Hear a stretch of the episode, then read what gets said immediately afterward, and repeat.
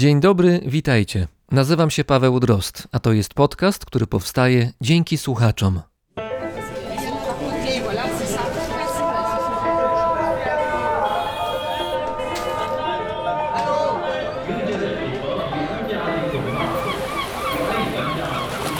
Brzmienie świata z lotu Drozda.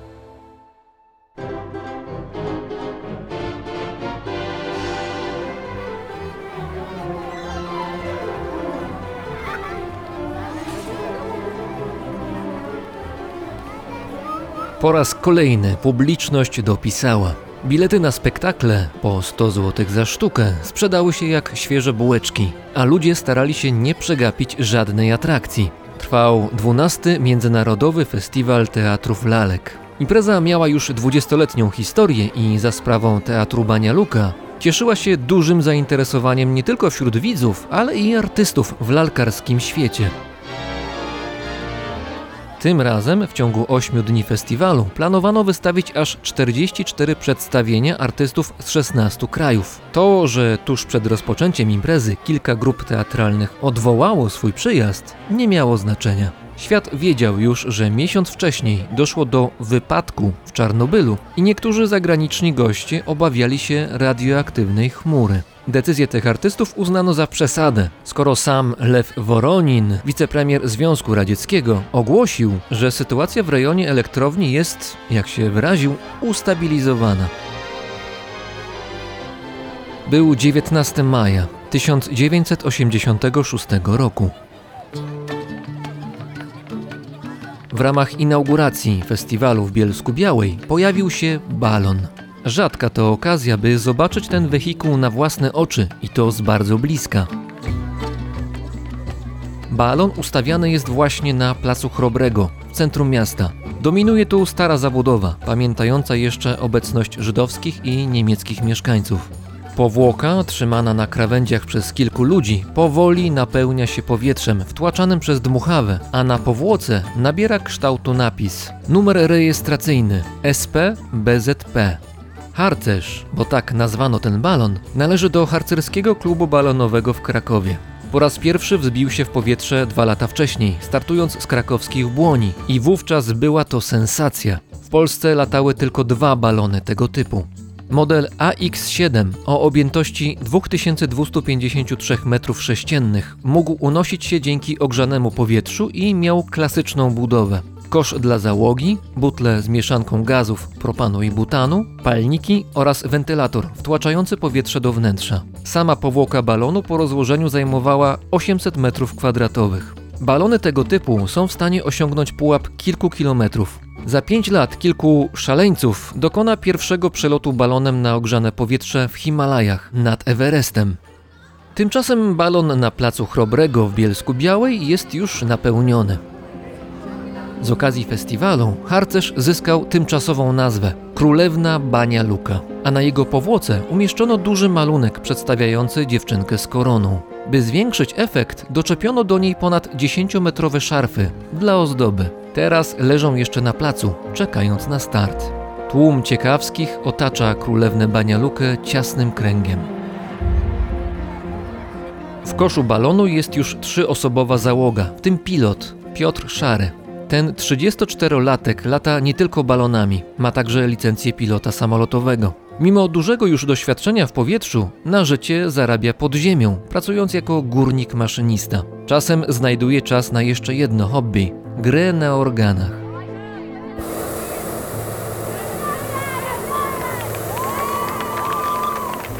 Tłum bielszczan ożywia się, gdy balon SP-BZP z wielką twarzą królewny na boku zaczyna majestatycznie unosić się ku niebu.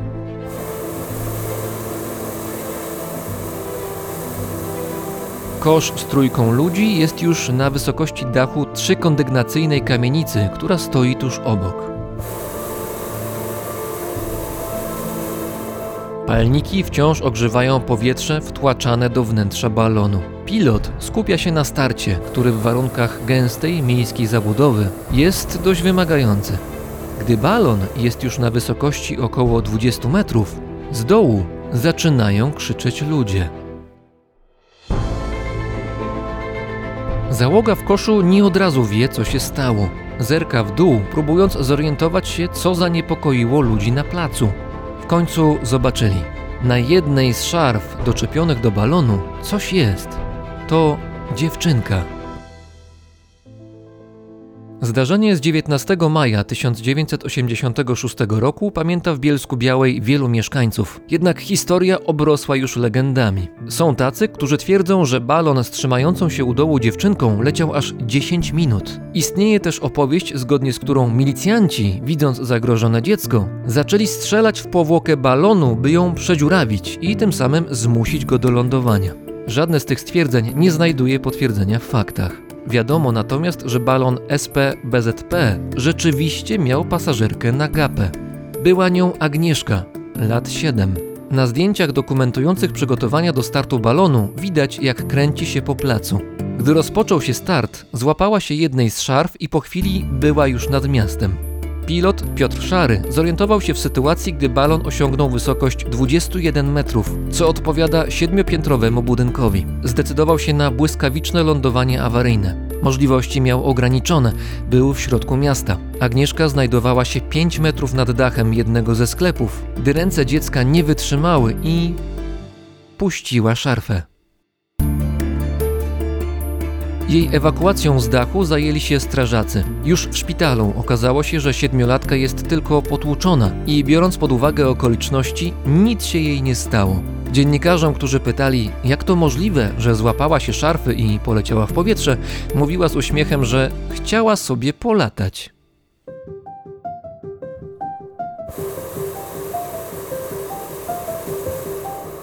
Pierwszy w historii lot załogowy balonem na ogrzane powietrze odbył się 200 lat przed historią z Bielska Białej. W roku 1783 bracia Montgolfier najpierw wysłali w powietrze sam balon, potem pasażerami były zwierzęta, kaczka, kogut oraz owca, a następnie ludzie. Już rok później w Krakowie, Warszawie oraz w Lwowie swoje eksperymenty baloniarskie przeprowadzali polscy naukowcy. A w 1789 roku król Stanisław August Poniatowski obserwował pierwszy załogowy lot balonem na terenie Polski w wykonaniu Francuza, Jeana Pierre'a Blancharda. W następnym roku ten sam człowiek leciał w gondoli balonu razem z Polakiem, Janem Potockim, autorem rękopisu znalezionego w Saragossie.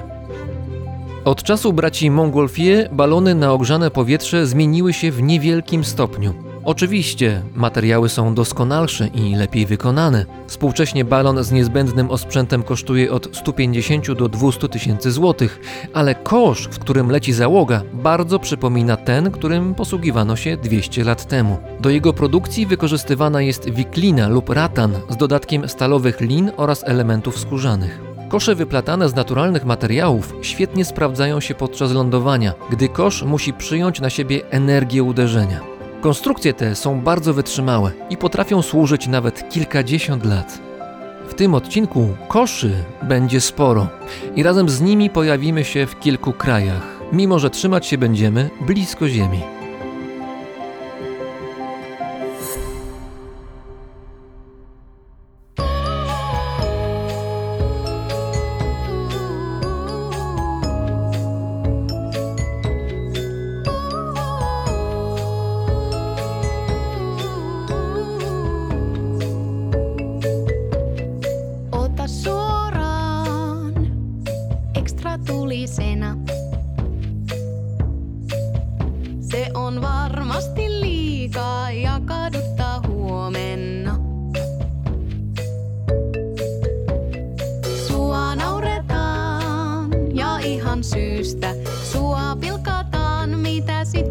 ja sit ihan sama.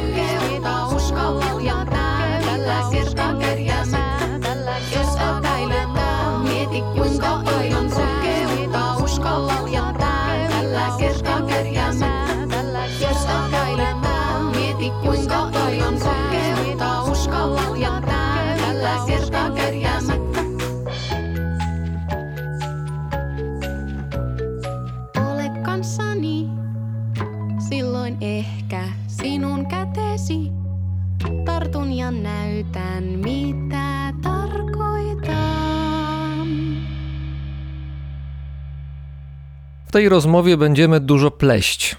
Będziemy pleść do rzeczy oraz pleść stworzone rzeczy.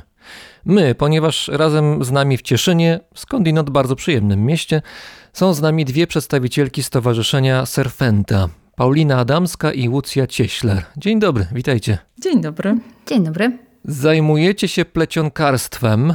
Tutaj w grę wchodzi tworzenie wszelkiego rodzaju koszy, ale możliwości plecionkarstwa są znacznie szersze. No może pomijając budowę promów kosmicznych i ewentualnie komputerów kwantowych. Nigdy nie mów, nigdy, wiesz, może to wszystko jeszcze przed nami. Ale tak faktycznie, tak jak zauważyłeś, kosze są pierwszym skojarzeniem, jeżeli myślimy albo mówimy o czymkolwiek wyplatanym, ale wydaje mi się, że mogę powiedzieć, że nie ma rzeczy, której nie można wypleść. No to tak etnograficznie można spojrzeć. Nawet zostało znaleziony taki kosz, który datowany jest na 10 tysięcy lat, ostatnio w Izraelu.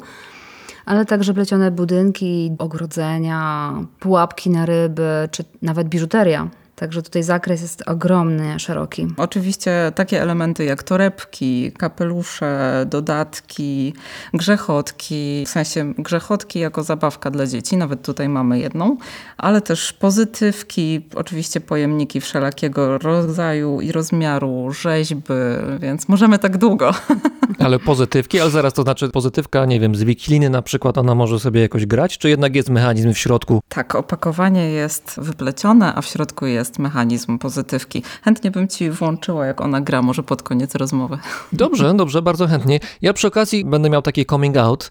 Mianowicie kilka lat temu brałem udział w kursie plecionkarskim i efektem tego mojego udziału skromnego były narodziny takiego, powiedzmy, plecionkarskiego nosferatu. On teraz stoi u mnie w domu, troszkę straszy, robi właściwie za taką ozdobną doniczkę, ale pamiętam, że to było bardzo przyjemne doświadczenie, to znaczy próba bardzo nieudolna i taka no nie do końca zakończona sukcesem w sensie artystycznym, ale osobistym owszem. Próba zrobienia czegoś własnego i potem patrzenia na to coś, że to stoi i dalej służy. I to już mijają lata, a mój Nosferatu koszyk dalej w domu jakoś funkcjonuje. Nie tłumacz się urodą, chętnie zobaczymy zdjęcia z twoich działań plecionkarskich. Lepiej nie, lepiej nie, nie, nie, nie, nie, nie, nie, bo będziecie pokazywać na kursach plecionkarskich, jak nie należy robić koszy. Nie robimy czegoś takiego. Uważamy, że każdy kosz, czy też każdy wytwór naszych warsztatów jest wyjątkowy, jedyny w swoim rodzaju, jest rękodziełem i żadne, o żadnym nie umiem powiedzieć, że jest brzydki. Każdy jest po prostu wyjątkowy i oryginalny, nawet Nosferatu. Słowo oryginalny tutaj jest, jest właściwym słowem, wydaje mi się, w przypadku mojego kosza. Tak naprawdę najważniejsze od wielu lat dla nas jest to doświadczenie, o którym wspomniałeś. Nie jest kluczem i istotą ten finalny produkt, tylko to, co czujesz podczas wyplatania, jakie emocje przeżywasz. Jeśli to było rzeczywiście dla Ciebie przyjemne i o tym pamiętasz jako o doświadczeniu, to na pewno będziesz do tego wracać. I my tego doświadczamy i my też to przekazujemy podczas naszych warsztatów. Ludzie do nas przychodzą trochę zwolnić to tempo, takie szalone, odpocząć, zanurzyć ręce w naturalnych, przyjemnych materiałach, które nam się kojarzą z bardzo przyjemnymi rzeczami, na przykład z dzieciństwem, bo mamy zapach słomy, te wspomnienia, one po prostu wracają jednocześnie automatycznie, jak się wchodzi już do nas, do naszej sali. Ludzie, którzy do nas przyjeżdżają, bardzo często mówią właśnie o tym, co ty, że to było relaksujące. Ktoś ostatnio powiedział, że to było spa dla mózgu. To znaczy, ręce pracują, głowa odpoczywa i przez kilka godzin, kiedy trwają nasze warsztaty, można się odkleić od tempa zwykłej codzienności i stworzyć coś własnymi rękami. I tak jak mówisz, Potem to zostaje z tobą, stoi na parapecie, może rośnie w tym kwiatek. Efekty wyłącznie pozytywne. W moim przypadku to pamiętam, że to było tak, że jakiś rodzaj poczucia sprawczości w tym wszystkim był, ale polemizowałbym z tym, że umysł mi odpoczywał, bo tam umysł pracował na 125%, bo próbował ogarnąć te, te wszystkie techniki i budowę koszyka. Ale dobrze, zostawmy ten wątek może. Da się ten koszyk złapać i nawet uszy się nie urywają, więc chyba nie jest aż tak źle, jak może twierdzę. Gratulujemy i liczymy na to, że powyplatamy coś razem. Dobrze, to dziękuję. Jak będę miał okazję, a w Cieszynie czasami bywam, to wpadnę. Ważną częścią Waszej działalności jest poznawanie tradycji i technik plecionkarskich, zarówno w kraju, jak i za granicą. I tak przeglądając Wasze zdjęcia i czytając relacje z Waszych podróży poznawczych, no bo tak te wyjazdy można nazwać, to mam wrażenie, że gdzieś obok mnie istnieje nieznana mi wcześniej subkultura plecionkarzy, jakiś rodzaj świata równoległego, który oplata swoimi witkami wiele krajów i łączy je ze sobą. Jesteście jakoś połączeni właśnie wy, plecionkarze na świecie. Pięknie to powiedziałeś o tej sieci, która oplata cały świat. Faktycznie tak się czasem czujemy, że gdziekolwiek nie pojedziemy, spotykamy, no trochę jak mogę powiedzieć, że rodzinę, członków rodziny rozsianych po całym świecie. Możemy się nie znać, a kiedy się spotykamy i okazuje się, że łączy nas rzemiosło, to, to budzi tak pozytywne emocje i uczucia, że faktycznie czujemy się tak sieciowani. To jest też tak, że my oczywiście wybieramy, idziemy kluczem, tropem plecionkarstwa i plecionkarzy, czy to rzemieślników, mistrzów, czy artystów. I okazuje się, że jak dotąd jeszcze nie spotkałyśmy takiego kraju, gdzie takiego połączenia by nie było. To okazuje się, że jest tak uniwersalne rzemiosło, że zawsze natrafimy w końcu na trop kogoś, kogo warto poznać i z kim utrzymujemy relacje. Czy mnie się dobrze wydaje, że w waszych plecionkarskich podróżach szczególnie często odwiedzacie Skandynawię? Jak najbardziej. To jest, Skandynawia to jest z kolei mój taki ulubiony kierunek podróży. Nawet w tym roku, mimo pandemicznych historii, udało nam się odwiedzić i Norwegię, i Islandię. Jest tam cudowna natura, która jest na wyciągnięcie ręki. Są materiały pleciąkarskie, których my w Polsce nie mamy, więc jest to dla nas jakaś egzotyka. Dalej są plecionkarze, którzy pracują z tymi materiałami, więc możemy spotkać, poznać, doświadczyć wyplatania z tych materiałów, których tutaj w Polsce nie mamy. Albo na przykładzie brzozy, drzewa, które w Polsce jest, ale z niego się nie wyplata akurat u nas, poznać coś, co jest niby bliskiego, a jednocześnie egzotycznego. No i oczywiście są jeszcze ludzie, dla których zawsze tam wracamy, podążamy takim szlakiem naszych przyjaciół w Norwegii na przykład którzy nas poznają z poszczególnymi kolejnymi osobami, którzy są dla nas ważni. I to są właśnie ludzie z tego rzemieślniczego świata, którzy i wyplatają, i zajmują się, tak można powiedzieć, szeroko dziedzictwem niematerialnym. To, co my robimy w Skandynawii, nazywamy craft tour. To znaczy, że jedziemy do kraju, żeby tak bardzo głęboko zanurzyć się w rzemiosło, dotknąć go. Tak jak Paulina faktycznie wchodziła do wody w fiordzie, żeby wyjąć drewno, które się tam moczy na przykład długo. To jest takie prawdziwe dotknięcie rzemiosła i oczywiście odbywa się to za pośrednictwem ludzi, którzy potrafią ci to pokazać, zabrać wyjątkowe miejsce, zanurzyć się w tą dziką przyrodę. Mamy taką możliwość i korzystamy z niej z przyjemnością. To opowiedzcie proszę, jak wyglądają te techniki na przykład norweskie, to znaczy czym to się różni od technik znanych z Polski. No mnie się kojarzy plecionkarstwo w Polsce przede wszystkim z wikliną, chociaż tutaj wiele innych jeszcze materiałów na pewno jest na stole i wiele innych możliwości. Ale jak to w Norwegii wygląda? W Norwegii, no na przykład takim materiałem, o którym wspomniałam, już jest brzoza. I o ile znamy to drzewo z naszego klimatu polskiego, to z kolei w Norwegii wyplata się zarówno jak i z korzeni brzozy, po które trzeba wybrać się na przykład idąc w bagno, albo z kory brzozy. To jest coś, czego u nas akurat nie ma. Podobnie jak spotkaliśmy wyplatanie z jałowca. To jest też takie ciekawe, u nas po prostu jałowiec rośnie jako krzew, a w Norwegii mamy wysokie drzewa jałowcowe. A ostatnio to, co wspomniała Łucja, właśnie to zanurzanie rąk w wodzie w fiordzie. po to, żeby wyciągnąć takie trzy miesiące leżakujące drewno lipowe, które odpowiednio musiało się tak długo moczyć, żeby właśnie nabrać takiej elastyczności. Też tego w Polsce akurat nie mamy. Łyko lipowe następnie służy do skręcania lin, z których się z kolei robi szelki do takiego kosza, który jest koszem plecakiem. Akurat Norwegię mamy dobrze przebadaną, że tak to nazwę, bo parę lat temu prowadziłyśmy taki duży projekt porównania polskiego i norweskiego plecionkarstwa. On się nazywał Viva Basket. I właśnie polegał na tym, że i Norwegia przyjeżdżała do nas w odwiedziny i my badałyśmy, robiłyśmy badania w Norwegii. Ja wymieniłam tylko kilka materiałów pleciąkarskich, które na pierwszy jakby rzut mi się nasunęły, ale różnic pomiędzy rzemiosłem, czy w ogóle pracą z tym rzemiosłem jest bardzo, bardzo wiele. W Polsce jeszcze wciąż mamy tradycję żywą. Możemy poznać poszczególnych mistrzów, spotkać się z nimi. Miałyśmy jeszcze to szczęście w Serfencie, że zaczynając pracę z plecionkarstwem, uczyłyśmy się bezpośrednio od mistrzów. Natomiast jadąc dalej na zachód, kraje Europy Zachodniej i powoli też właśnie Skandynawia już tego doświadczenia nie mają. Więc my mamy takie przekonanie, że mamy taki ogromny skarb i chcemy jakby zaczerpnąć z niego dopóki, dopóty możemy. Człowiek korzysta ze swojego naturalnego środowiska, żeby wyplatać. To znaczy, że wiklina jest oczywiście bardzo dobrym skojarzeniem do wyplatania, czyli gałęzie wierzby, ale jeżeli nie masz w pobliżu rosnącego tego materiału, nie masz w pobliżu wikliny, ponieważ ona rośnie w blisko wody, to szukasz innego materiału, który jest po prostu długi i elastyczny. I odpowiedź w lokalnym środowisku bywa przeróżna. Mogą tą odpowiedzią być korzenie, a może to być jakaś roślina wodna typu sitowie, w Polsce pałka wodna, czyli rogorzyna. To jest bardzo ciekawe, czasem sploty nawet są podobne, a jednocześnie materiał używany jest inny. I oczywiście przeznaczenie, do którego używa się wyplatanych przedmiotów, czy to są kosze, czy inne, to też określa jakby naturę, kształt kosza. Powiedzcie proszę, jak wyglądało to moczenie drewna, bo mówiłyście o tym, że drewno przez trzy miesiące leżakowało, nie wiem, czy w słodkiej wodzie, czy w słonej, czy W morskiej wodzie. w morskiej. Tak, to jest woda w fiordzie. Chodzi o to, żeby po prostu przez tak długi czas, czyli przez około trzech miesięcy, to drewno, akurat lipowa, tak długo leżało, aż odpowiednio stanie się na tyle jakby elastyczne i na tyle miękkie, aby można jakby rozrywać je na płaty. Ono później jest suszone w odpowiednich miejscach i takie łyka służą do zaplatania na przykład takiej liny, którą tutaj akurat mamy w naszym biurze. Warto dodać, że to dalej pięknie pachnie, pomimo tego, że Paulina była tam dawno już, ponad miesiąc. Dla mnie ten zapach jest taki trochę żywiczny. Paulina mówi po prostu o zapachu morskiej wody. Tutaj już trzeba uruchomić wyobraźnię. To jest coś takiego, co mnie bardzo zainteresowało akurat w Norwegii. Wszystko, co jest takie egzotyczne i inne, a jednocześnie jest w użyciu.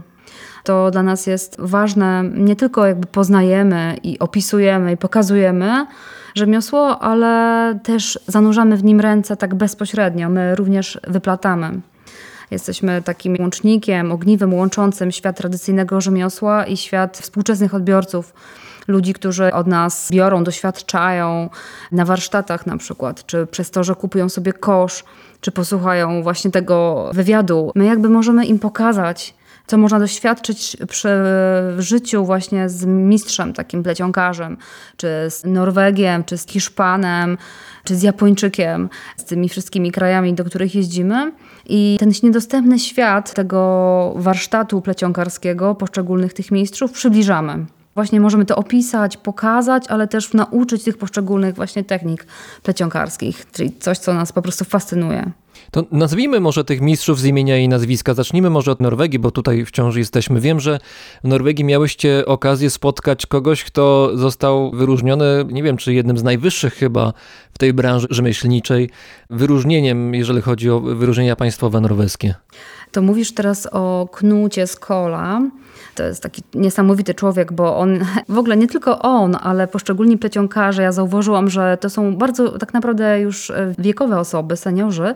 Na przykład Knut jest grubo po osiemdziesiątce, ale nigdy byś tak o nim nie powiedział, dlatego że on zachowuje swoją żywotność. Być może właśnie z tej natury i z tego, tej pracy własnych rąk jest bardzo żywotnym człowiekiem. Knuta spotkałam w Norwegii w 2014 roku i on praktycznie się nie zmienił. Dalej ma ciemne włosy, dalej bardzo sprężysty chód, dalej pracuje. Jego głównym zajęciem to jest budowa łodzi, również wyplata. I właśnie w jego warsztacie nauczyliśmy się pracować z drewnem sosnowym. Jego z kolei uczniem, który stał się naszym jakby mentorem kolejnym w Norwegii, jest Samson Ovstebo. I jego z kolei kolejna uczennica, którą w tym roku odwiedziliśmy, czyli Hege Irene Axdal. I no jakby nie sposób nie powiedzieć o Drude Isene, naszej głównej przyjaciółce. Druda akurat eksperymentuje z wikliną, a tu jeszcze powinnam powiedzieć, że Samson i Hege pracują z jałowcem. Ale również korzenie brzozy, czyli coś pięknego, coś też niesamowicie pachnącego. Tutaj z kolei akurat pięknie, bo miętą. To jest niesamowite, że właśnie korzenie brzozy pachną miętą. Miętą? No E, poważnie? Tak, W ten sposób się je rozpoznaje, kiedy je zbierasz. A, czyli jak, jakbym chciał zrobić mojito, to szukam brzozy. To wchodzisz Brzozy. do bagna, znajdujesz korzeń brzozy i jesteś już na świetnej drodze do mojito. Więc my poznaliśmy i pracowaliśmy z kolejną Norweżką, czyli Annę Holt Larsen. To też jest super, że my mamy cały czas kontakt z tymi osobami. W sumie te wszystkie osoby poznaliśmy 7 lat temu już. Teraz wracając do Norwegii, ja byłam w Norwegii pod koniec października, mówiłam się z nimi wszystkimi po raz kolejny. Po raz kolejny chcieliśmy pokazać ich pracę, tym razem właśnie w formie craft touru, czyli spotkania z rzemiosłem w tym konkretnym środowisku, na wyprawie craft tourowej. Także to nie jest w naszym przypadku coś jednorazowego. To nie jest jednorazowy projekt. On się dalej toczy. Od kiedy wyruszyliśmy na szlak plecionkarski w 2009 roku, to dalej jakby nim podążamy, nawigując i zmieniając jakby kierunek w zależności od tego, co nam przynosi kolejny rok i oczywiście też obserwując nasze własne potrzeby i to wszystko, co się dzieje dookoła. Zbieramy to jak mikrofon, głos z zewnątrz i nasze własne potrzeby i wychodzi taki unikatowy projekt jak Serfenta. Spróbujcie nas teraz przenieść na chwilkę do pracowni Knuta, tego mistrza norweskiego. Gdzie on pracuje? Jak to wygląda? Więc jest taka miejscowość Rosendal. To jest w ogóle trzeba sobie wyobrazić zachodnie wybrzeże Norwegii, czyli fiordy. Samo podróżowanie po Norwegii jest bardzo specyficzne i bardzo wymagające, akurat w tym miejscu Norwegii. Pełno wody, fiordy, które przekraczamy w przeróżny sposób, czy to promem, czy to tunelem, czy też ewentualnie mostem. Więc ta woda po prostu jest wszędzie. Akurat też byliśmy pod koniec października, gdzie tej wody było szczególnie dużo z racji tej pory roku. I wszystkie mijane wodospady były pełne wody, więc też ten dźwięk jest taki specyficzny, że jakby ta woda jak nie pada, to ona jest po prostu wszędzie dookoła nas. Trzeba po prostu naprawdę to lubić. No i Rosendal jest takim miasteczkiem właśnie tam. To jest bardzo małe miasteczko, z kilkutysięczne. I Knut jest taką postacią... Hmm, on jest takim człowiekiem, który jest takim znanym przez wszystkich, lokalnym, wybitnym, takim nauczycielem też. Trochę nasuwa mi się słowo bohater. To dlatego, że on jest rozpoznawalny bardzo przez wszystkich mieszkańców tej miejscowości, ale nie tylko. No, on oczywiście jest znaną osobą w Norwegii. Jest niesamowicie też skromny. Jak my opowiadaliśmy o nim, pokazując różnego rodzaju jego narzędzia, jego pracownię, on też jednocześnie się dzieli bardzo tym, co potrafi i dopuszcza nas do wszystkich maszyn po kolei. Zgodnie też z tym takim duchem norweskiego learning by doing, czyli doświadczcie, zobaczcie, sprawdźcie, jak działa szlifierka, wiertarka, weźcie do ręki hebel, weźcie do ręki to drewno, które się właśnie moczyło w fiordzie, spróbujcie własnych sił. Każdy. Ja byłam z dwiema innymi osobami, które nie są plecionkarzami, ale każdy z nas miał sprawdzić, spróbować swoich własnych sił. Więc Knut jest taką osobą, on jest bardzo skromny, on nie lubi jakby o sobie mówić, a jednocześnie właśnie jest człowiekiem, który się z chęcią bardzo szczerze dzieli. I jeszcze bardzo ważną rzecz chcę powiedzieć, on został zaproszony, mimo tego swojego wieku zaawansowanego, no grubo po 80 jest, został zaproszony do takiego projektu kilka lat temu, budowy w taki tradycyjny sposób stadeczku, który służy na potrzeby właśnie szkół lokalnych. Człowiek, który jest od niego młodszy, poprosił go, Knut, czy możesz przejąć koordynację tego projektu za mnie, bo ja chyba jednak e, być może tego jakby nie doprowadzę do końca. Knut co zrobił i w tym roku zwiedzaliśmy już gotowy projekt. On dzięki temu zyskuje taki autorytet też w oczach wszystkich nas. Człowiek, który taką swoją pasją, takim naprawdę oddaniem, dla mnie, nie wiem, jest takim po prostu ogromnym autorytetem i cudowne jest to, że są ludzie, którzy też czerpią z tej jego wiedzy, że jakby on naprawdę może się tą wiedzą dzielić, bo oni pracując przy akurat tym konkretnym statku, około 100 osób z nim spędzało codziennie w tym warsztacie czas, wiele godzin. Mimo tego, że on teraz mieszka sam, jego żona zmarła dwa lata temu, to on cały czas ma gości. Cały czas coś do niego dzwoni, umawia się. Teraz, my też jak byliśmy teraz akurat na trasie, bo nie jechaliśmy tylko do Rosendal, tylko Rosendal był na naszej trasie, to jakby nie było mowy, żebyśmy do niego nie weszli i również nie skorzystali z opcji zaproszenia na obiad, który sam zrobił. A jeszcze Na obiad z widokiem na fiord, piękny. a jeszcze było tak niesamowicie, że w naszej ekipie ja jestem wegetarianką, więc trochę level miał trudniejszy, no bo oczywiście tam wszyscy jedzą też owoce morza, ryby, a kolega jeszcze z naszej ekipy jest weganinem. No i oczywiście Knut dał radę. Były dwie opcje. To jest też super, że ja na przykład kocham Norwegii to i w Norwegach, że oni są tacy bezproblemowi. To jest kraj tak demokratyczny. Tam wszyscy znajdą dla siebie miejsce. Dobrze mi się wydawało, że mówiłyście o tym, że on też wyplatał łodzie? Nie wyplatał, on buduje łodzie. Z drewna. Taki tradycyjny sposób. To jest główny taki motyw właśnie zachodniego wybrzeża Norwegii. Każda rodzina ma praktycznie jakiś dostęp do wody. Jak nie ma swojej łódki własnej, to na pewno pływa, korzysta właśnie z tej wody, która jest dookoła. To jest właśnie też super w Norwegii. Tak pomijając samo, że ja mogę godzinami mówić o Norwegii, więc przepraszam, ale ta natura, która jest na wyciągnięcie ręki, naprawdę ludzie z niej korzystają. Tam od przedszkola po prostu dzieciaki są tak wychowywane, że spędzają mnóstwo czasu na zewnątrz. Odpowiednio są po prostu ubrane. Ja tego wielokrotnie doświadczyłam. Idąc w góry na przykład, wycieczka szkolna, która mimo deszczu lejącego się naprawdę rzęsiście z nieba idzie do góry i nawet nie ma na przykład możliwości przekroczenia suchą nogą strumienia. Każdy po kolei wkłada nogę do strumienia i po prostu idzie dalej. No, może warto też powiedzieć, że my bardzo się inspirujemy Skandynawią i Norwegią i Islandią w procesie uczenia dzieci i takiego zanurzania ich w naturę, jakby już od najmłodszych lat. Oni się uczą designu, uczą się projektowania, ale uczą się też przede wszystkim tego, żeby czerpać z lokalnych możliwości i to jest bardzo dla nas inspirujące i też uczymy się od nich, to jest super. To jeszcze jest ważna chyba kwestia poczucia pewnej estetyki, prawda? Że przedmiot dobrze, żeby miał pewien kształt taki właśnie estetyczny, nie tylko żeby był przedmiotem użytkowym, typu, nie wiem, mam kubek i on ma być przedmiotem, do którego mogę nalać jakiś płyn, tylko niech ten kubek jakoś wygląda, niech on ma jakiś sznyt, niech ma jakąś swoją, swój charakter własny. Każdy jakoś wygląda, ale faktycznie ten skandynawski design ujmuje cały świat, nawet właśnie Azję, z którą też mamy jakiś kontakt, więc faktycznie jest coś w tej prostocie projektowania skandynawskiej. To teraz z Norwegii na Islandię się wybierzmy. Tam również plecionkarstwo się rozwija. Nie wiem w jakiej skali, bo przyznam, że jak słyszałem o Islandii wielokrotnie rozmawiałem z różnymi ludźmi, takimi, którzy tam mieszkali, mieszkają, takimi, którzy tam bywają, to wątki koszy czy plecionkarstwa jakoś się nie pojawiały zbyt często. No właśnie, ja też już byłam po raz czwarty na Islandii i faktycznie mm, plecionkarstwo to nie jest pierwsze skojarzenie, które przychodzi do głowy. Oczywiście po wulkanach, niesamowitym krajobrazie, gorących źródłach i wszystkim, co Islandia oferuje, ale myślę, że takie najbardziej podstawowe skojarzenie z rzemiosłem to są swetry dziergane z islandzkiej owcy. Oczywiście, oczywiście. Tak, oni wszyscy to umieją, niezależnie od płci i wieku i też odpowiedź na to jest trochę, gdzie się tego uczą, bo to już w szkole od najmłodszych lat. Ale faktycznie to, nad czym my się też pochylałyśmy na tym wyjeździe, to było takie pytanie, czy na Islandii istnieją plecionkarze. No i kiedy pierwszy raz wyruszyłyśmy faktycznie z takim fokusem plecionkarskim na Islandię, to odkryłyśmy niesamowitą osobę, która nazywa się Gudrun Pétursdottir.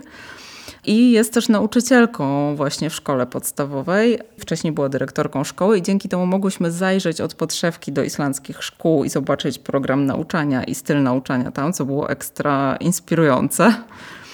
Ale odpowiedź brzmi tak. Na Islandii istnieją plecionkarze. Faktycznie nie jest to dominujące rzemiosło. Ale bardzo chętnie opowiem taką ciekawostkę, że najbardziej znany plecionkarz z Islandii jest postacią historyczną i jest Łotrem. Jest najbardziej znany, no powiedzmy wprost, złodziejem na Islandii, który przez długie miesiące ukrywał się w tym naturalnym, bardzo nieprzyjaznym krajobrazie. Naprawdę ukrywanie się na środku pustkowia islandzkiego, które wygląda trochę czasem jak księżyc. Jest tam bardzo mało roślinności, specyficzny dostęp do wody, bardzo trudna, atmosferyczna cała otoczka to on razem z kobietą pewną ukrywali się w górach. No i czasem z tych gór schodzili i wtedy, żeby wymienić się za coś, co go potrzebowali, czy to usługę, czy za produkt, wymieniali kosz.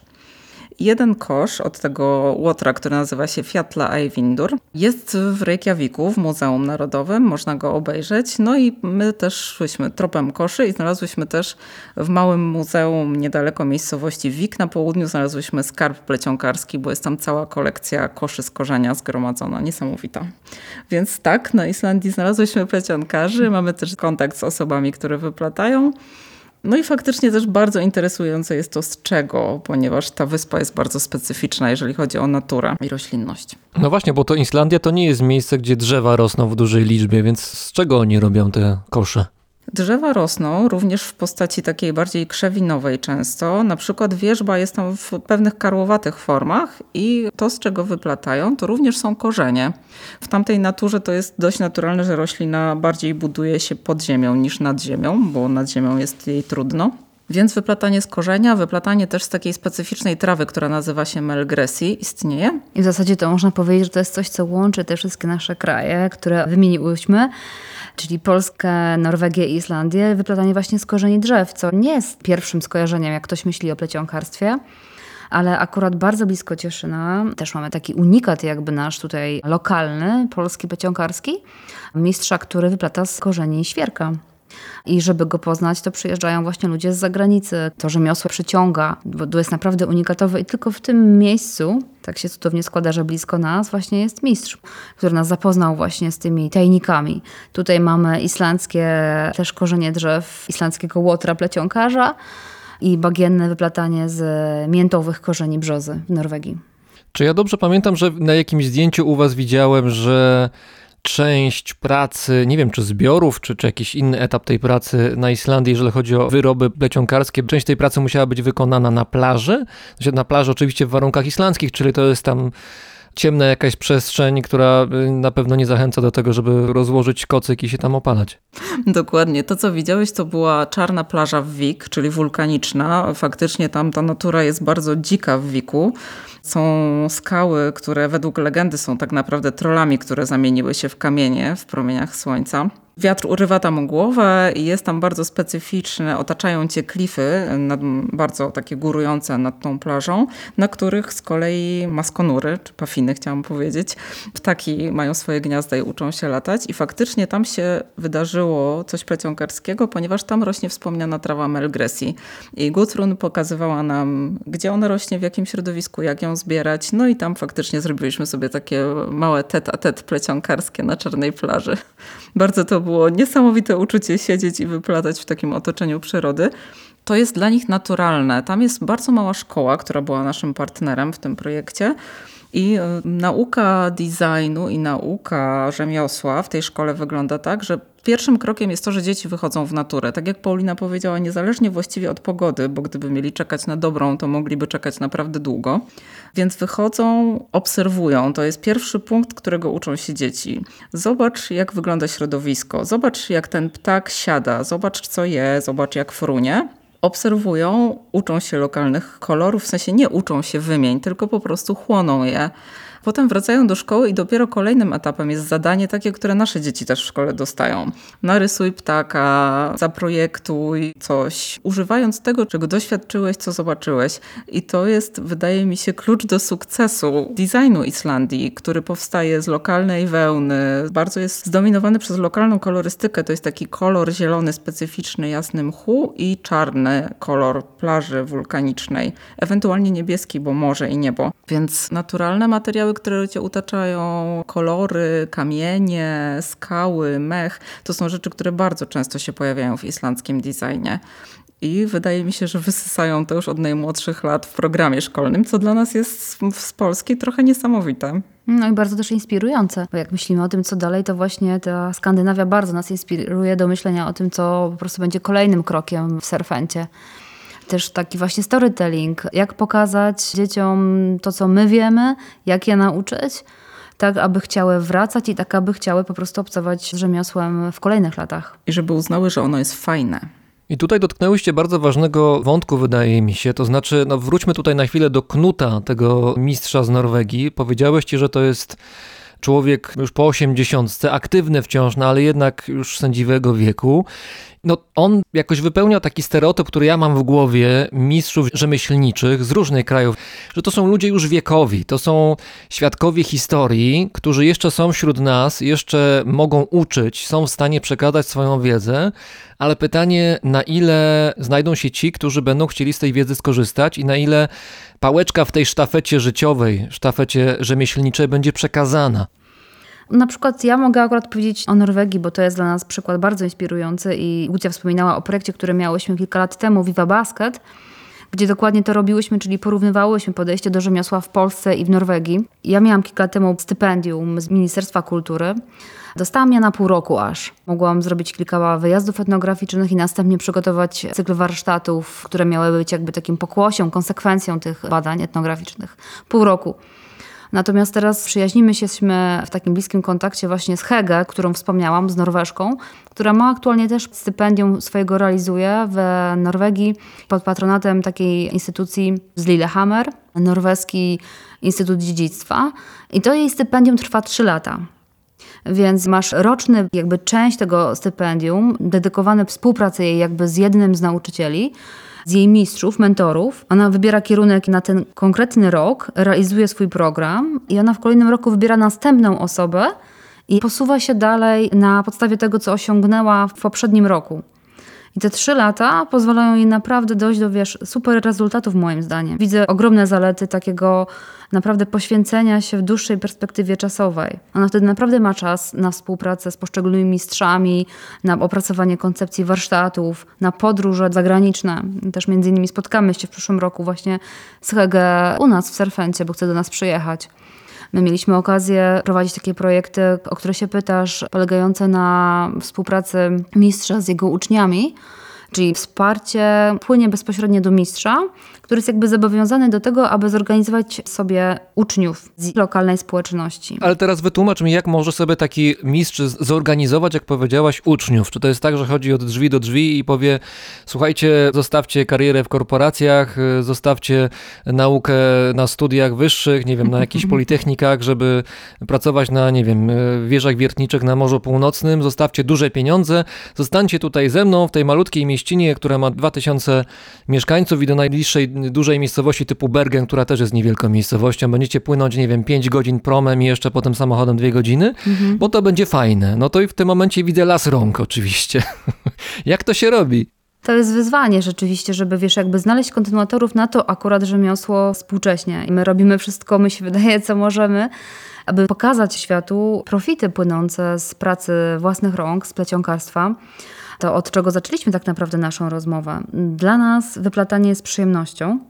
Nie tylko mówimy o tym w aspekcie wiesz, dziedzictwa niematerialnego, ale również tego, że odpoczywasz. Ręce odpoczywają, głowa odpoczywa. Jakby myślę, że spokojnie możemy do tego również Ciebie przekonać, mimo Twojego nosferatu. Mhm. Zapraszamy na warsztaty z nami.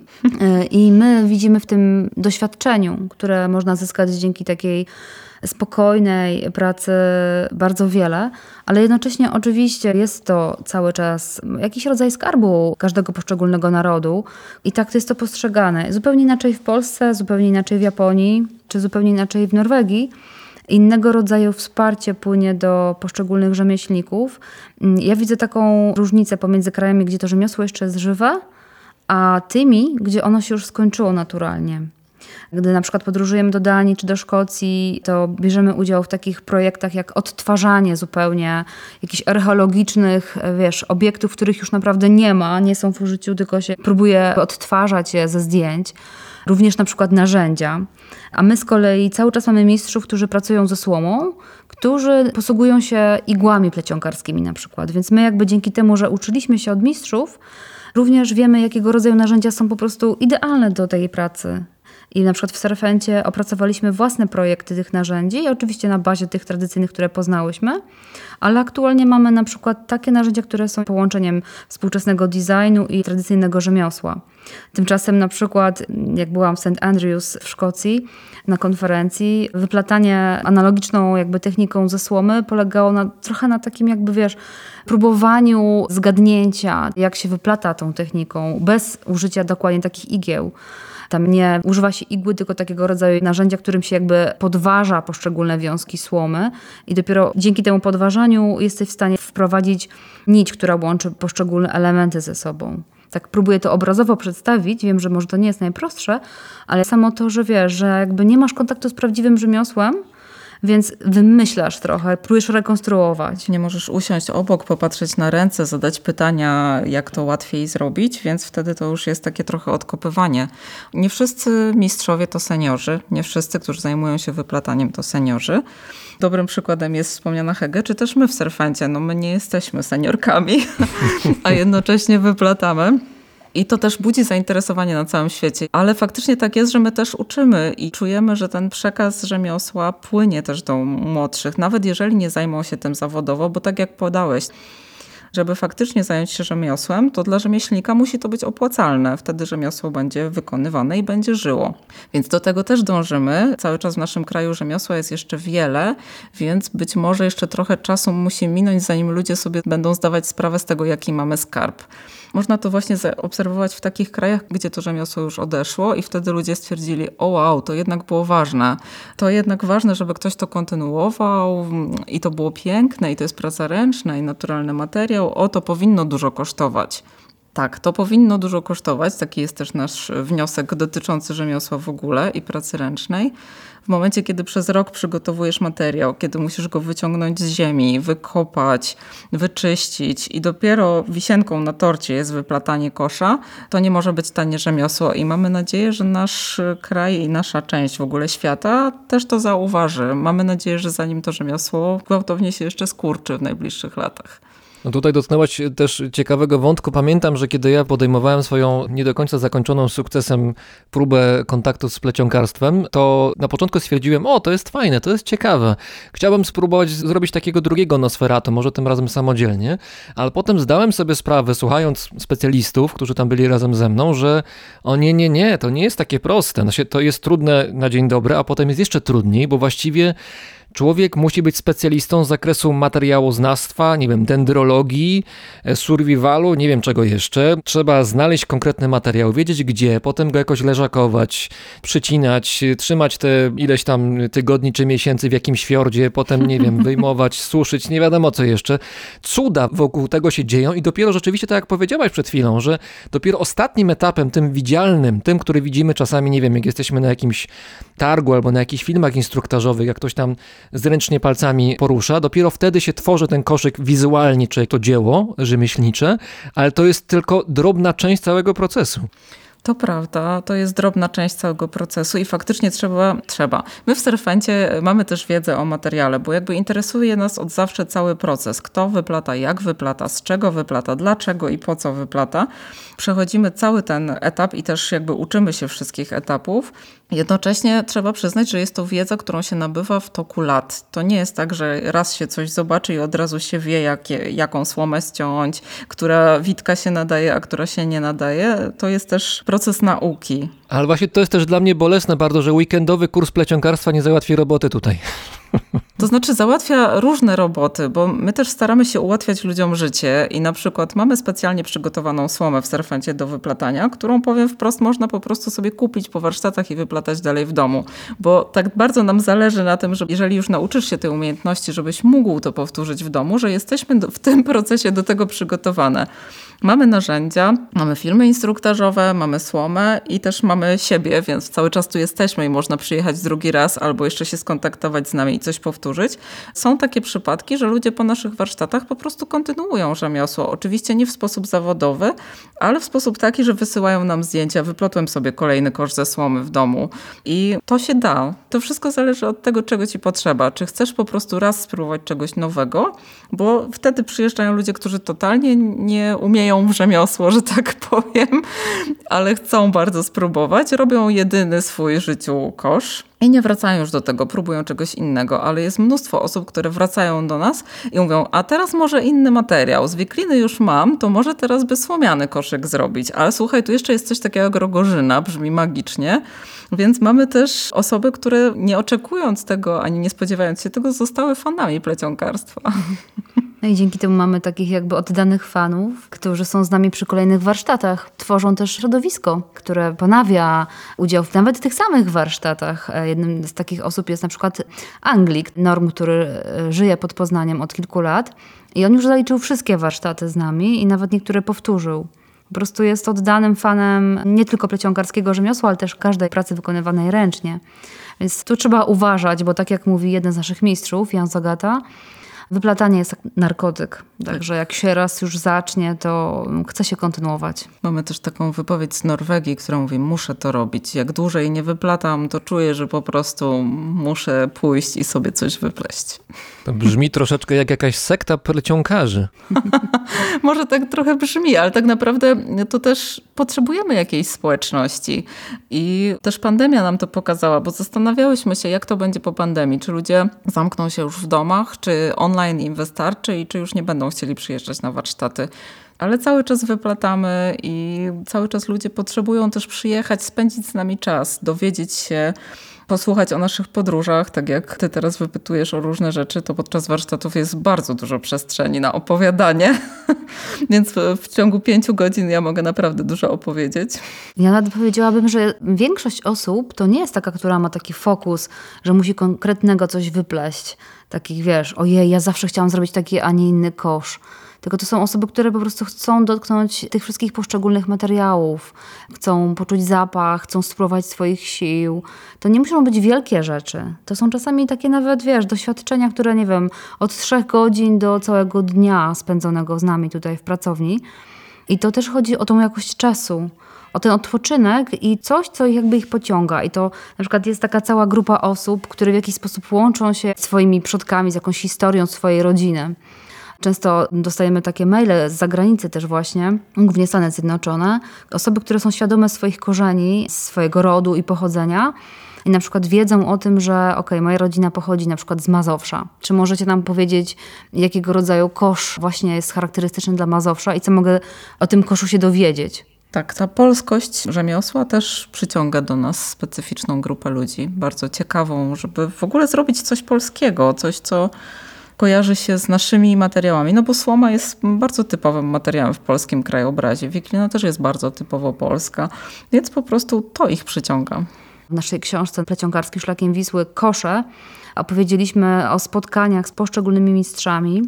Mamy filmy, mamy mnóstwo opowieści, więc jak ktoś szuka połączenia z jakimś poszczególnym regionem, z miejscowością, czy na przykład z materiałami, to naprawdę tutaj może ją znaleźć. A czy to jest tak, że w zależności od tego, jak kosz jest wykonany, to on sam w sobie stanowi wizytówkę miejsca, w którym powstał? To znaczy jesteście w stanie określić, ok, to jest z Danii, to jest ze Szkocji, to jest norweskie, a to jest 73 km na południowy zachód od Warszawy, poznaję.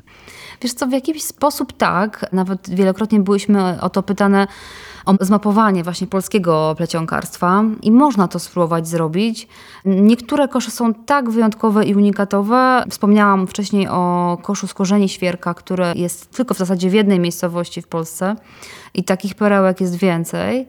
Niektóre są z kolei tak charakterystyczne, że technika na przykład spiralna występuje na całym świecie, tylko zmieniają się właśnie materiały. Więc jeśli pokazałbyś mi na przykład kosz z kory brzozy, po norwesku never, to wiedziałabym o jakim miejscu mówisz w Norwegii. Albo na przykład papcie wyplatane z sitowia. O, a takie papcie są wygodne? Bardzo wygodne. My Bardzo akurat, ja akurat wygodne. mamy A wiesz, taki. jakie ładne. Tak, ładne, dodatkowo wzmocnione skórą, ale te z kolei Łucja pamiętasz przewiezione z Ukrainy. Tak. Te z kolei plecione z rogorzyny naszego takiego tutejszego materiału też są super. Ja miałam takie, trzeba je tylko wzmocnić podeszwę i ja spokojnie w nich chodziłam. Bardzo je lubię. Z czego się plecie w Japonii? Bo tam też bywałyście. Tak, Japonia jest takim kolejnym krajem, który pojawił się jako pomysł. W Japonii mamy słomę ryżową. Ja byłam w Japonii trzy lata temu i przywiozłam naszą polską wiklinę, bo u nas jest bardzo popularna, praktycznie pierwszy materiał, który przychodzi na myśl, a dla Japończyków było to coś na tyle oryginalnego, że pokusiłam się, żeby przywieźć ją tam. Z kolei oni mają słomę ryżową, której my nie mamy, więc jak byłam w Japonii, to mm, zaproponowałam takie warsztaty wyplatania ze słomy ryżowej, ale polską techniką. Taki miks, który się przyjął. Oprócz tego jest kora winorośli, materiał, który jest analogiczny do rogorzyny. Bambus oczywiście i związane z nim zupełnie inne narzędzia niż mamy w Polsce. To jest bardzo twardy materiał. Tutaj bardzo dużo siły trzeba w niego włożyć. No i oprócz tego oczywiście mamy też korzenie drzew, tak jak my mamy w Polsce i w Skandynawii, więc to jest coś bardzo takiego uniwersalnego. A co się robi w Japonii z tych materiałów? Na przykład kosz do przesiewania ryżu. Coś, czego my nie mamy, ale spotkaliśmy i zresztą przywiozłyśmy również. Dziewczyny przywiozły. A to z Korei mówisz. To, tak, ale jest nie dokładnie ta sama rzecz właśnie w Japonii. Taki kosz, który jest jakby taką tacą, można powiedzieć, do czyszczenia ryżu. Ale tak naprawdę rzeczy, które powstają, to nie są tylko kosze. Na przykład bardzo znane nawet na starych japońskich rycinach, które często wzbudzają jakieś zainteresowanie, są takie charakterystyczne płaszcze ze słomy. Człowiek trochę w nich wygląda jak choinka albo jak chochoł. Kiedyś były bardzo popularne. Drzeworyty ukiyo-e często mają takie postacie rzeczywiście widoczne. Tak, tak. Kiedyś po prostu noszono je jako ochronę przed deszczem i oczywiście słoma też w budownictwie różnego rodzaju była wykorzystywana, więc nie tylko elementy Kapelusze takie... przecież, nie? Tak, kapelusze oczywiście też. My akurat mamy z Japonii po prostu cudowny taki wisior pleciony właśnie z kory winorośli. I on jest pleciony taką bardzo ozdobną techniką, którą bardzo bym się chciała nauczyć, jak tylko znowu będzie można podróż do Japonii zorganizować. No bo tak, może warto przypomnieć, że Japonia od początku pandemii jest bardzo zamknięta i my też chciałyśmy się jeszcze do niej wybrać i jakby mamy z nią długotrwałą już współpracę, ale niestety w ogóle nie można tam wlecieć. Za to udało wam się rzutem na taśmę pojawić się w Korei Południowej w listopadzie. Też spory wyczyn. Tak, powiem szczerze, ostatnio ktoś powiedział, że powiem wprost, jesteśmy frikami, bo w środku pandemii wyplatałyśmy w Korei Południowej. Była w tym nuta szaleństwa faktycznie. Pozyskałyśmy taki projekt z Ministerstwa Kultury, który miał pozwolić nam polecieć do Japonii w tym roku, ale to się okazało niemożliwe. A w tym czasie już pojawiła się Korea Południowa w naszej historii i pojawił się bardzo fajny partner CICS z miejscowości Chonchu. No i tak się wydarzyło, że faktycznie bardzo szybko zmieniłyśmy plany i wyruszyłyśmy do Korei Południowej, faktycznie w środku pandemii, co było bardzo interesującym przeżyciem. Ja byłam też osobiście i była ze mną Ula Szwed. To, co najbardziej interesowało naszych partnerów z Korei Południowej, to jest jak to się dzieje, że trzy młode dziewczyny z małej miejscowości wypracowały swój własny model biznesowy od badań przez design do rzemiosła sprzedaży na całym świecie. Jak my to robimy, że sięgamy na cały świat? Jak to możliwe, że nasze kosze są w Tokio? Jaki mamy proces edukacyjny na warsztatach? Bardzo byli zainteresowani tym naszym autorskim modelem, do którego my już praktycznie prawie 15 lat dochodzimy. Więc przede wszystkim dzieliłyśmy się tam wiedzą. Była zwołana specjalna konferencja na nasz przyjazd, bardzo interesująca, bo muszę powiedzieć, że usłyszenie swoich słów tłumaczonych symultanicznie na koreański było bardzo ekscytujące. Oprócz tego poznawałyśmy też koreańskie rzemiosło i ich sposób podejścia do rzemiosła. To też było bardzo ciekawe. A oni też coś wyplatają, czy zajmują się jednak innymi rodzajami rzemiosła? Są bardzo różne rodzaje rzemiosła tam. Wyplatanie również, wyplatanie z bambusa, słoma ryżowa również, wyplatanie z ratanu, chociaż nie jest ich e, rdzennym materiałem. Ale jest popularne. Jest takie miejsce, które nazywa się Bamboo Village, gdzie można zobaczyć cały proces, gdzie bambus rośnie i co się z niego wyplata. Ale mają też różne inne rodzaje rzemiosła. Na przykład jest coś takiego jak hanji, czyli ręcznie czerpany papier, z którego między innymi robi się wachlarze. I hanbok to jest strój koreański narodowy, składający się dla kobiet z takiej sukienki typu bombka, w której trochę się wygląda, nie wiem do czego to porównać. Każdym razie bardzo jest luźny, zupełnie nie można określić kształtu osoby w tym stroju. I bardzo ciekawa też jest historia z nim związana, bo nie jest tak, że hanbok był zawsze super popularny, a teraz jest również wśród młodych osób. W tym mieście, w którym my byliśmy, jest taka atrakcja turystyczna, że wypuszcza się ten strój i chodzi w nim po mieście i robi sobie w nim ładne zdjęcia. A to wszystko przez piosenkarza popularnej grupy z Korei, BTS, który wystąpił w tym stroju, no i wtedy nastąpiła eksplozja zainteresowania tym tradycyjnym strojem. Bardzo to jest interesujące. To od razu mi przyszedł pomysł do głowy, możecie wykorzystać. Niech ten artysta K-popowy, niech może wykorzysta w jakimś teledysku koszyk wiklinowy polski. To się dopiero zacznie. Też o tym myślałam, żeby mu wysłać go w prezencie i poprosić, żeby chociaż przez dwie sekundy wystąpił w jego teledysku i mamy, to wtedy cała Korea będzie o nas marzyła. Ale w ogóle Korea chciałaby, już to robi, ale chciałaby jeszcze bardziej pokazywać swoje dziedzictwo kulturowe w taki nowoczesny sposób i zachęcać młodych ludzi do tego. A nam jest do tego bardzo blisko, do tego kierunku, więc tu się dogadaliśmy. Czasy się zmieniają, oczywiście to jest banał zupełny, ale użytkowość czy użyteczność tych przedmiotów, o których mówimy, produktów rzemieślniczych, no jest ewidentnie mniejsza niż była kiedyś. No, ile ludzie potrzebują w domu koszy na jabłka, ile osób chodzi na targowiska, nawet w miastach. No, ja też czasami przecież chodzę na targ warzywno-owocowy. A masz koszyk? No właśnie nie chodzę z koszykiem wiklinowym czy jakimkolwiek innym, tylko mam sakwę rowerową i tam wszystko pakuję, albo mam torbę, albo mam plecak, bo tak mi jest wygodniej. Więc pytanie, czy, czy to nie jest tak, że siłą rzeczy z racji zmiany kontekstu naszego życia, te przedmioty zaczynają mieć taką funkcję bardziej, no może nie kolekcjonerską, ale jakąś, no właśnie bardziej artystyczną czy estetyczną niż użytkową. W Japonii jest taki nurt, który mówi o tym, że przedmioty, którymi się otaczasz, wpływają na ciebie, na twoje zdrowie psychiczne również. Jeżeli masz przedmioty, które lubisz i których często dotykasz, a są ze specyficznego materiału, to wpływa to na twoją kondycję psychiczną. Oczywiście może też być taka nowa funkcja tych przedmiotów, bo wydaje mi się, że to, co się zmienia, to jest funkcja, a mm, nie, one nie przestają być całkowicie użyteczne, tylko są dla nich znajdowane nowe znaczenia we współczesnym domu, który na przykład jest bardzo mały w porównaniu do poprzednich lat. No właśnie. I często kosz na przykład w kształcie tradycyjnym, z tradycyjnego materiału znajduje zupełnie nowe przeznaczenie. My też w Serfencie podpowiadamy pewne rozwiązania, bo kiedyś miałyśmy takie doświadczenie, że stałyśmy na rozmaitych targach designu i często padało tam takie pytanie, no dobra, ale do czego tego kosza użyć? No i my też proponujemy, często podpowiadamy, na przykład wykonując zdjęcia kosza w nowoczesnych wnętrzach, że ten sam kosz, który kiedyś służył do zbierania jabłek czy nawet kartofli, teraz spełnia się jako koszyk na książki, koszyk na gazety, koszyk na zabawki do pokoju dziecięcego. Wydaje mi się, że on nie traci swojej użytkowości, tylko do innych rzeczy zaczęliśmy go używać. Może jakieś wiklinowe etui na iPhone'a na przykład? Tak, myślałyśmy już o tym z Rogorzyny, która jest akurat bardziej miękka. Naprawdę? E, mamy coś, co znajoma nasza Karolina Kania przywiozła z Nowej Kaledonii. Mamy taką oprawkę na smartfona, która jest wykonana z rośliny, która nazywa się pandan. Mhm.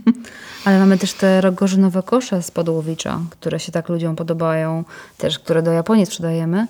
I one się notorycznie kojarzą właśnie z takim nowoczesnym bardzo opakowaniem na laptopa. Wydaje mi się, że po prostu umieszczenie tego przedmiotu w nowym kontekście daje mu nowe życie. A jednocześnie lubimy bardzo te materiały naturalne. Raczej rzadziej spotkasz kogoś, kto powie: Nie, ja nie lubię, ja się wolę otaczać plastikiem. Dlatego, że cały czas pamiętamy dzieciństwa spędzone na wsi. Nam się to bardzo dobrze kojarzy. Zapach siana, czy na przykład zbieranie, nie wiem, ziemniaków podczas wykopek to nie jest aż takie egzotyczne, jakby i oddalone od nas o lata świetlne, jakby gdzieś tam kosmiczne. Nie, to są nasze takie prawdziwe, realne doświadczenia, które przywołują coś bardzo miłego do naszej głowy, do naszych wspomnień. Te konkretne obiekty, czy wiklinowe, czy słomiane, czy właśnie korzenne, mogą być użytkowe i możemy dla nich szukać nowych zastosowań, a z drugiej strony po prostu my lubimy z nimi obcować. Ich zapach, lubimy na nie patrzeć, one koją nasze zmysły. Wydaje mi się, że też ten kierunek, o którym wspomniałeś, kolekcjonerski rzemiosła, w pewien sposób również zaistnieje. No bo oczywiście, jeżeli kiedyś kupowałeś bardzo tani kosz, no to używałeś go na kartofle i trzymałeś go w piwnicy. A e, jeżeli kupisz kolekcjonerski kosz, jedyny w Polsce mistrz go wykonuje i ty o tym wiesz, wiesz jak długo trwa zebranie materiału, żeby go wykonać, no to będziesz inaczej na niego patrzył i do czego innego go używał również w związku z tym, że na przykład zapłaciłeś za niego bardzo dużo pieniędzy. A już nie mówiąc o sytuacji, kiedy taki kosz wykonujesz sam e, w warsztacie mistrza, a później takie doświadczenie jest bezcenne i taki kosz zostaje na lata. To doświadczenie, to zmaganie się czasem z tym materiałem, ale w moim odczuciu to zmaganie występuje może na początku, a następnie przeradza się w taki rodzaj mantry czy medytacji, dlatego że wpada się w rytm. Głowa potrafi się uspokoić, ręce wykonują te same czynności. A liczyłyście, ile zrobiłyście koszy w swojej egzystencji? nie, chyba ja nigdy nie liczyłam, Paulina. Nie, nie, nie. Kiedyś ktoś się pokusił o policzenie, ile mam koszy w domu, ale przy stół już e, po prostu odpadł. A ty wiesz, ile masz koszy w domu? Ja oczywiście, że wiem doskonale, jest Nosferatu i na tym koniec. Nie, nie, przepraszam, nie, teraz rzeczywiście, teraz, masz rację. Mam w sumie trzy kosze. Jest Nosferatu, jest jeden koszyk, który kiedyś mi się bardzo spodobał i koledze podpożyczyłem za jego pozwoleniem i jest koszykiem na jabłka, faktycznie. Jest jeden koszyk, który jest bardzo dużym koszykiem, kupiłem go, bo bardzo mi się podobał i nie mam co z nim zrobić i jest przerzucany z miejsca na miejsce w domu i nie ukrywam, że mi przeszkadza. Musisz znaleźć dla niego jakieś zastosowanie. Koszyki wiklinowe, bo akurat to jest wiklinowy koszyk, mają to do siebie, że się nie składają. Jak nie jest używany, to nie mam go gdzie go schować niestety, a jest duży. Hmm, No to najprościej byłoby jednak e, zaprzyjaźnić się z nimi i znaleźć mu miejsce, albo podarować komuś. My też uważamy, że to jest piękny prezent, taki właśnie naj, najlepiej zrobiony własnoręcznie. Naturalny, piękny prezent. Nawet mamy taki pomysł w Serfencie, że proponujemy naturalną choinkę, a właściwie jej starszą wersję, czyli snopek słomy ustawiany w kącie domu. Tak jak było jeszcze przed choinką i nawet przed podłaźniczką być może. Mm, no ciekawa wersja. Słowiańska. I na to świeczki i od razu emocje gwarantowane. No tak, jeżeli tak zrobisz, filmuj. Bardzo Wam dziękuję. Razem z nami w Cieszynie były przedstawicielki Stowarzyszenia Serfenta, Paulina Adamska i Łucja Cieśler. Bardzo Dziękujemy. dziękujemy i zapraszamy do Cieszyna.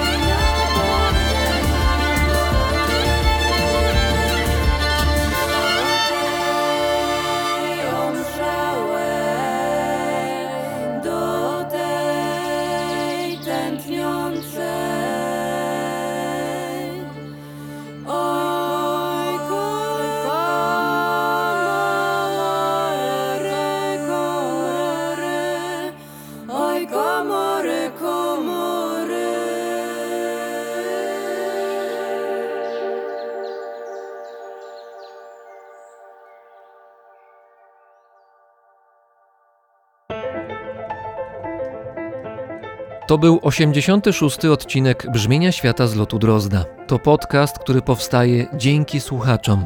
Zbiórka na rzecz brzmienia świata trwa i w każdej chwili można do niej dołączyć. Bardzo dziękuję wszystkim, którzy sprawiają, że w każdą sobotę mogę publikować dla Was nowe odcinki i nowe historie.